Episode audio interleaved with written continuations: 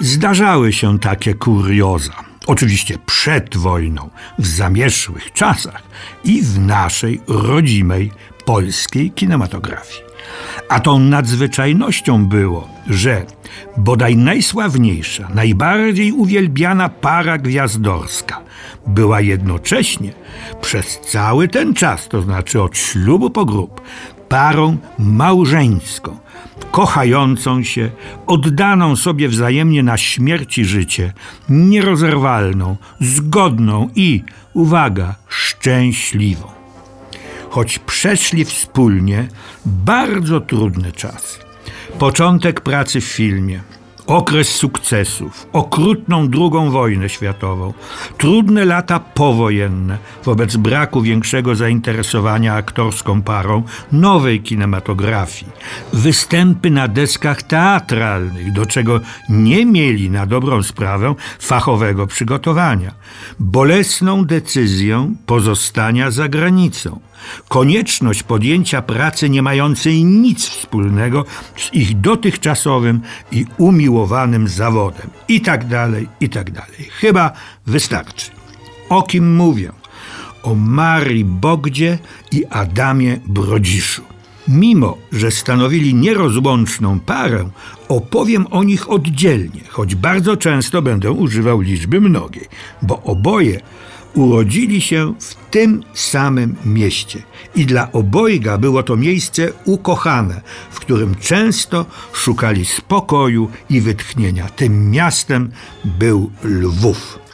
Maria Bogda, właściwie Janina Kopaczek, urodziła się tu w roku 1909. Ukończyła gimnazjum Strzałkowskiego i jak mówiła, weszłam w kontakt z filmem przez konkurs fotogeniczny. Na pytanie dziennikarza, przedwojennego oczywiście, czy marzyła o karierze gwiazdy, odpowiadała: Tak jak wszystkie pensjonarki, ani trochę więcej.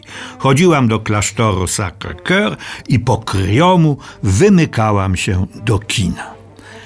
Dzięki wspomnianemu konkursowi fotogenicznemu, który wygrała, znalazła się w jednej z ówczesnych szkół filmowych.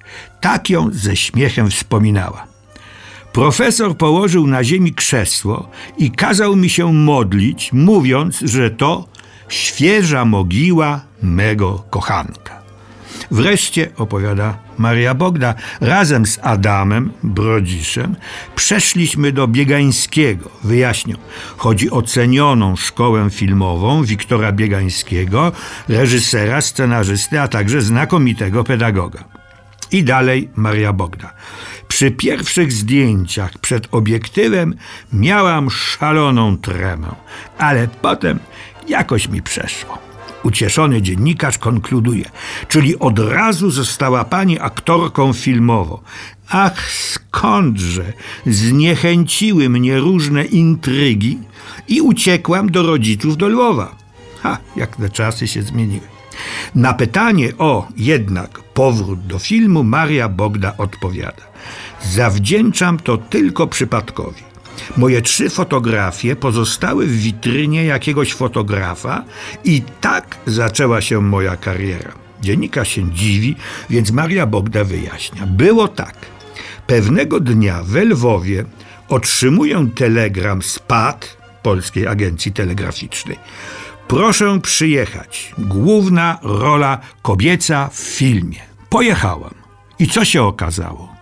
Dekorator Norris przypadkowo zobaczył moje fotografie na wystawie, spodobały mu się i zaniósł je reżyserowi Waszyńskiemu, a ten po mnie zadepeszował. Sama się dziwię. I tak zaczęła się jej kariera filmowa. W tajemnicy skrzynki pocztowej zagrała wcale ważną rolę w stylu tamtych lat. W Policmajstrze Tagiejewie też z roku 1929, uwikłana jest w walkę Polaków z tytułowym policmajstrem carskiej policji. W filmie pod banderą miłości Michała Waszyńskiego zostaje zaręczona z poważnym dyplomatą, ale ona po wielu tarapatach pokocha z wzajemnością dzielnego Andrzeja. W Bezimiennych Bohaterach z 1932 roku grała Maria Bogda już poważną, główną rolę. To ją, morderca, członek międzynarodowej szajki fałszerzy pieniędzy, szantażuje i doprowadza do próby samobójstwa. Na szczęście zostaje wyratowana z nurtów Wisły przez patrol policji rzecznej.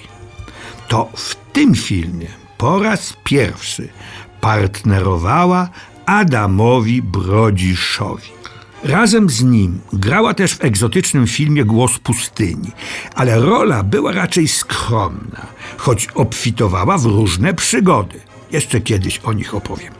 O Marii Bogdzie pisano wówczas, że jest przemiłą blondyneczką o figlarnie nastroszonych kędziorach i śmiejących się dużych niebieskich oczach. Prasa interesowała się mniej jej grą, talentem, a bardziej, jak to wtedy nazwano, jej personaliami. Oto one. Lat 22. Wzrost 164 cm, oczywiście bez obcasów. Waga 55 kg. Sporty. Gra w tenisa, jazda konna, wiosłowanie i strzelanie z karabinu. Ale u progu wielkiej, jak na nasze warunki rzecz jasna, kariery, przestrzegała młode, niedoświadczone dziewczęta, żeby nie rwały się do filmu, bo to jest cierniowa droga. W 1933 roku wszedł na ekrany pierwszy poważny film, w którym mogła wykazać się nie tylko urodą i wdziękiem, ale także talentem. Film nosił tytuł Pod Twoją obronę, ale o nim i dalszych losach Marii Bogdy, jednej z najpopularniejszych polskich przedwojennych aktorek, opowiem za tydzień.